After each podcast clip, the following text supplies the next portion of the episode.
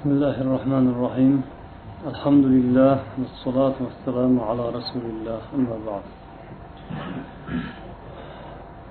توحيد درسنا دوام الترامز وكان سفر في صحبات لنا معلوم كي توحيد وش قسم يقولون توحيد الربوبيات توحيد الألوهيات توحيد الأسماء والصفات تتنامنا هذا وبو توحيد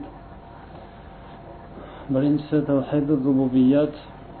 Barcha insonlarga ma'lum bo'lgan hammaning tabiatida qalbida mavjud bo'lgan bir tavhiddir. Buni alloh taolo o'zi insonlar bandalarini tabiatiga xilqatiga qo'shib yaratgan ato qilgan. Shuning uchun ham bu tavhid haqida ko'p tortishish buni isbotlashga ko'p urinishga ortiqcha hojat yo'q. Balkim bu bir necha dalillar bilan hujjatlar bilan zohir bo'ladigan oshkor bo'ladigan. Buning hujjatu dalillari butun atrof jamoamizni to'ldirib hamma tomonda izlagancha istagancha bunga hujjatlar dalillar oyatlar belgilar mavjud bo'lgan bir tavhid ekanini biz o'tgan darslardan bildik. Lokin shundoq bo'lsada islom tarixida musulmonlar jamoalari toifalari mazhablari o'rtasida ixtiloflar mavjud bo'lib ba'zi bir toifalar mana shu tavhid rububiyatga haddan tashqari ko'p ahamiyat berganlari va shu bilan ovora bo'lib qolib ketganlari kitoblarda aytiladi. Shuning uchun ham ahli sunna va jamoa mazhabidagi ulamolar aqoid darsliklarida tavhid eng muhim tavhidi. Barcha insonlar uchun farz bo'lgan usiz iymon mukammal bo'lmaydigan tavhid bu tavhidul ulug'iyat ekanini ta'kidlaydilar. Qur'oni karimda alloh taolo tavhid rububiyatga dalolat qiladigan oyatlarni ham nozil qilganku deb aytilishi mumkin. Haqiqatan ham shunday.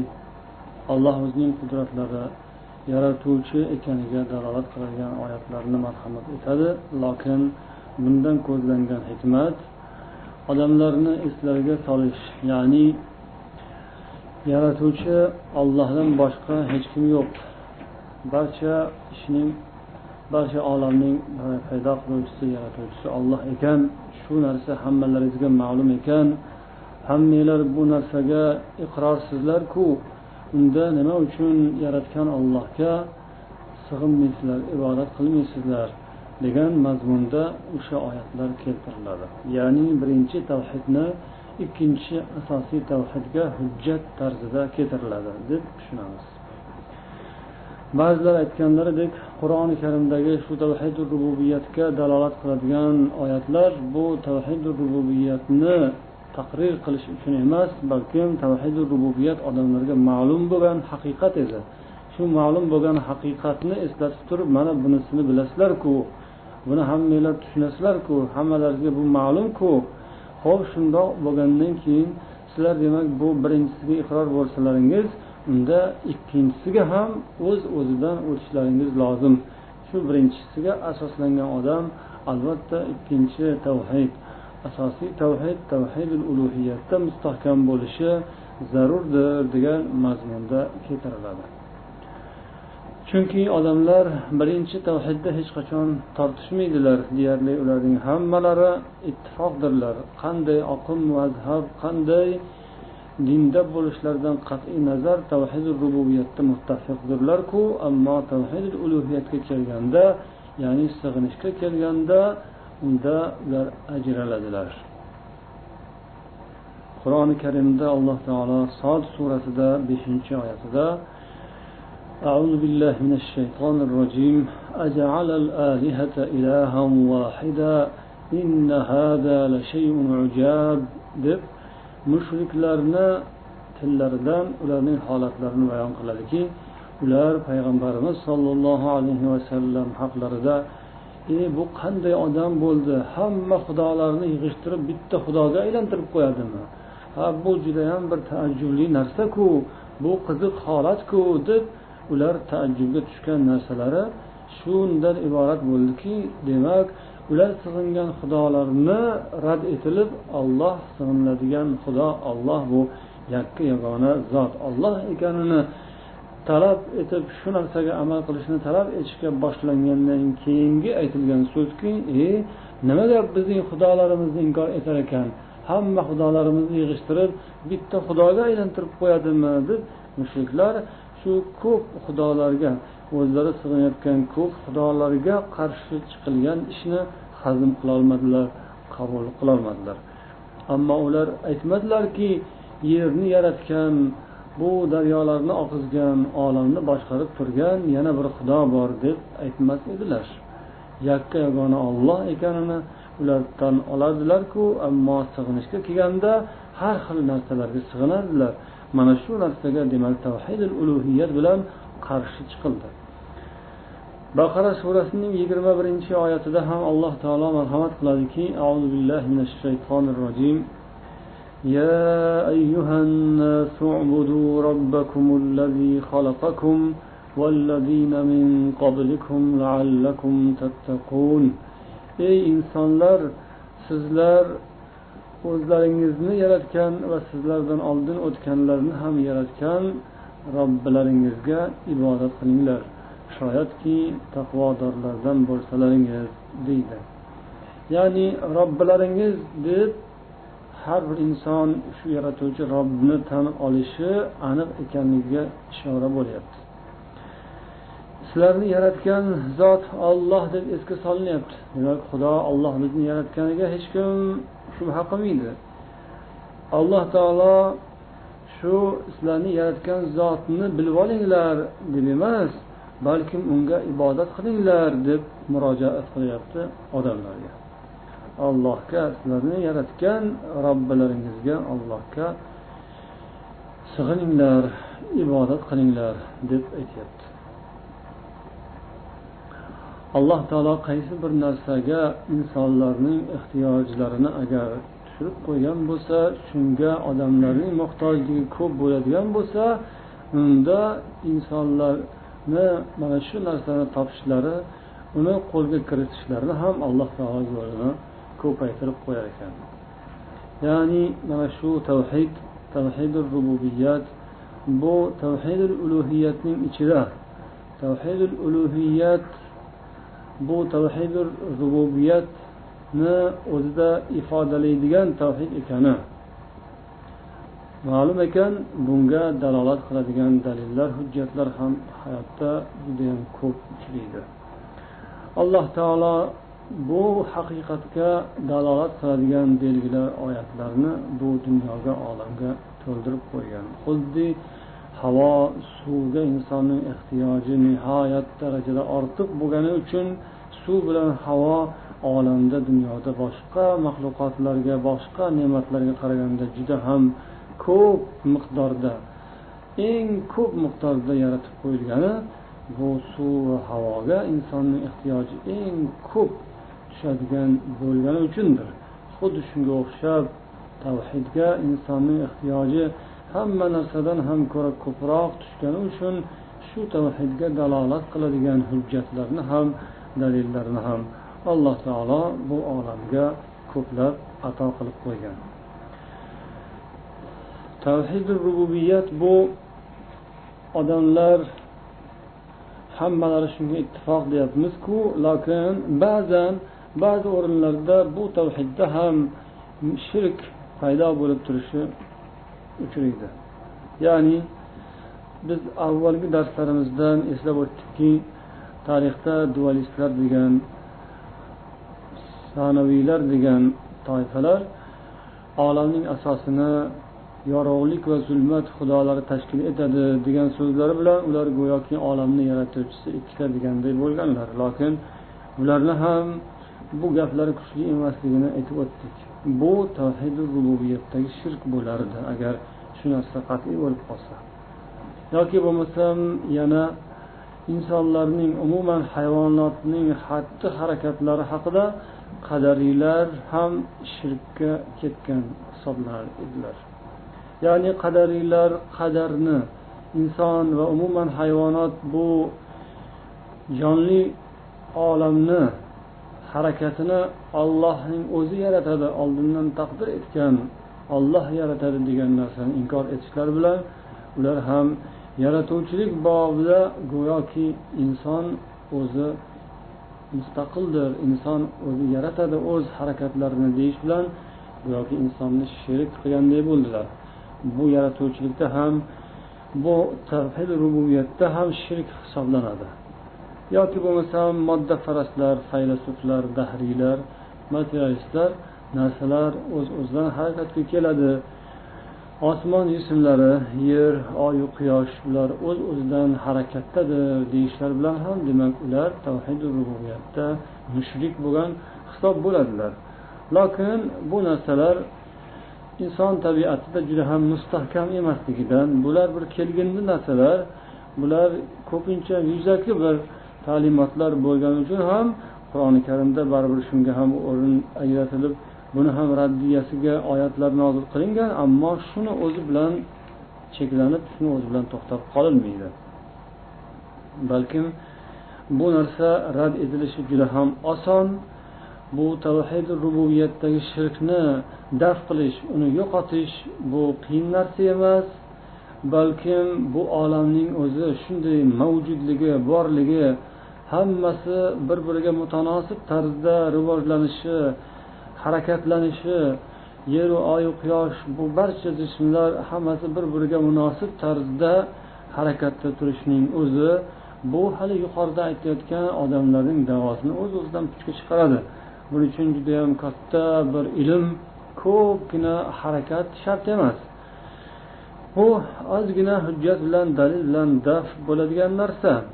Lokin shundoq bo'lsada alloh taolo qur'oni karimda shularga ham javob tarzida oyatlarni nozil qilgan va buni keyinidan darhol u tavhidul ulug'iyat mustahkamlanishi va asosiy amalga oshirilishi shart bo'lgan tavhid ekaniga e'tiborni qaratadi.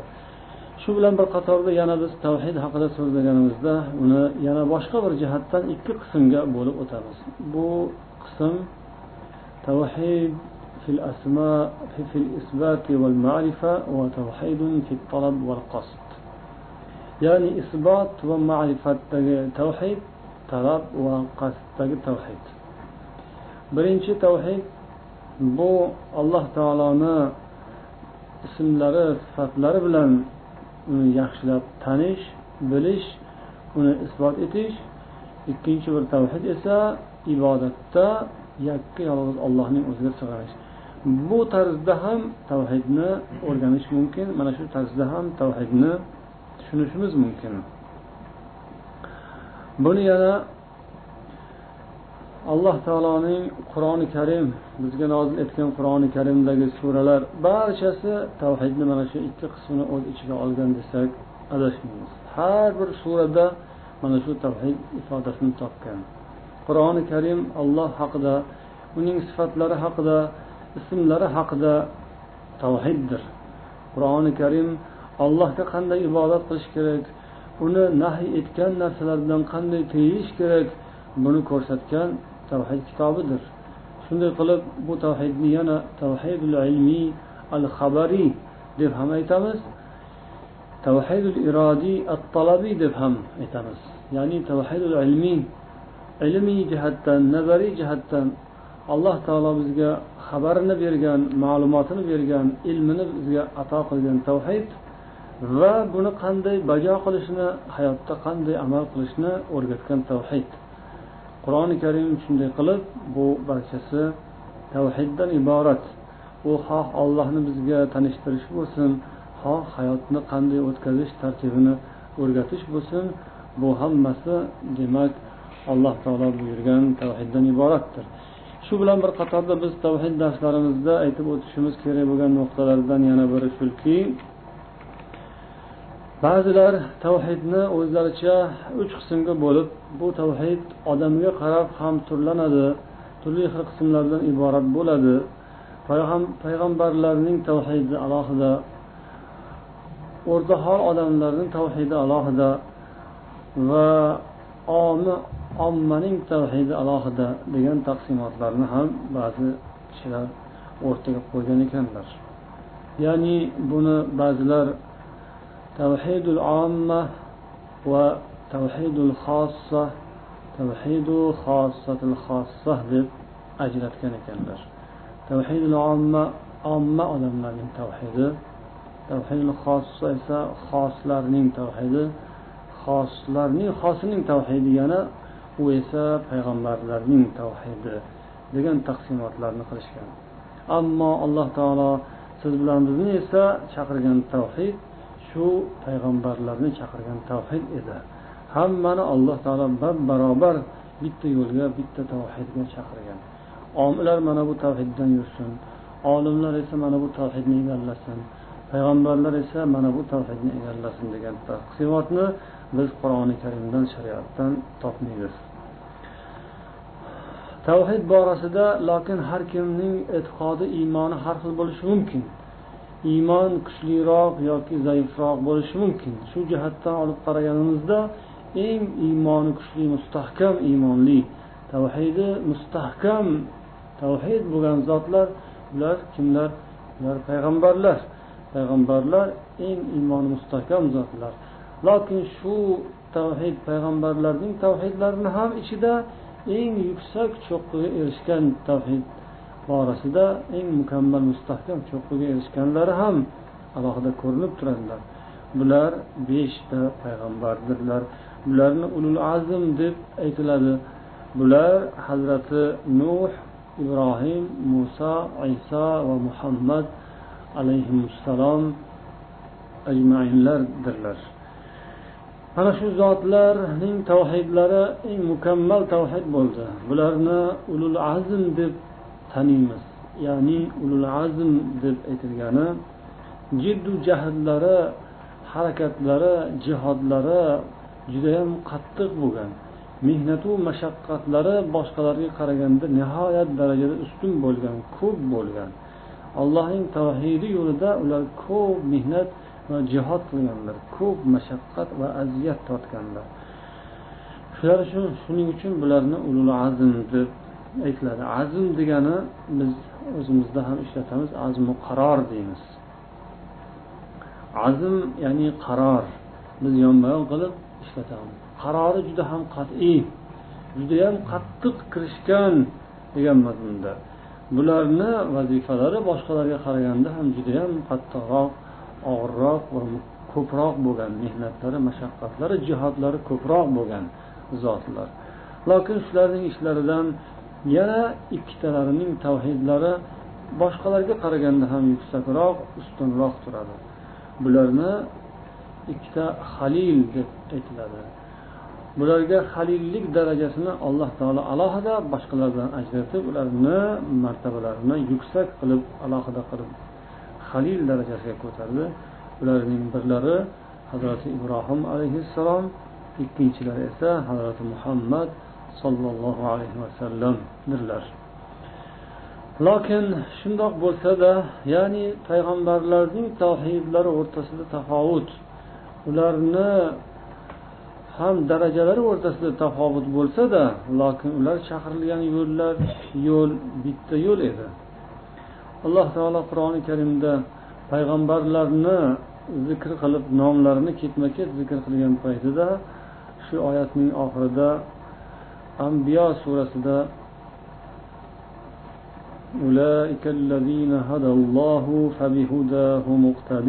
degan anom surasida kechirasizlar anom surasining to'qsoninchi oyatida alloh taolo ambiyolarni payg'ambarlarni zikr qilib oxirida mana shu iboralarni marhamat qiladiki ana o'shalarni alloh taolo hidoyat qilgandir. Siz shularning hidoyatiga shularning yo'liga ergashing deydi. Payg'ambarimiz hazrati muhammad alayhissalom payg'ambarlarning ichlarida eng ulug' martabaga erishgan bo'lsalarda alloh taolo u kishini boshqa payg'ambarlarni yo'liga yuring deb buyuryapti. Demak payg'ambarlarning hammalarini chaqirilgan yo'llari bitta shu tavhid yo'li. Lokin bu yo'lda har kimning nasibasi harakati jihodi har xil tafovuti har xil.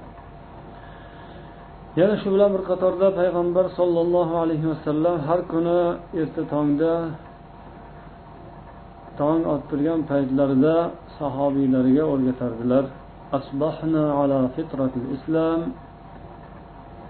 وعلى كلمة الإخلاص وعلى دين نبينا محمد وعلى ملة أبينا إبراهيم حنيفا مسلما وما كان من المشركين degan so'zni aytishni buyuradilar bu hadis bu duo bir necha xil iboralar bilan kelgan أصبحنا على فطرة الإسلام وكلمة الإخلاص ودين نبينا محمد وملة أبينا إبراهيم حنيفا مسلما وما كان من المشركين degan ibora bilan ham keltirishgan ekan ya'ni biz islom fitrati bilan tong ottirdik ixlos kalimasi bilan tong ottirdik payg'ambarimiz muhammad alayhissalom dinlarida otamiz ibrohim millatlarida tong ottirdik.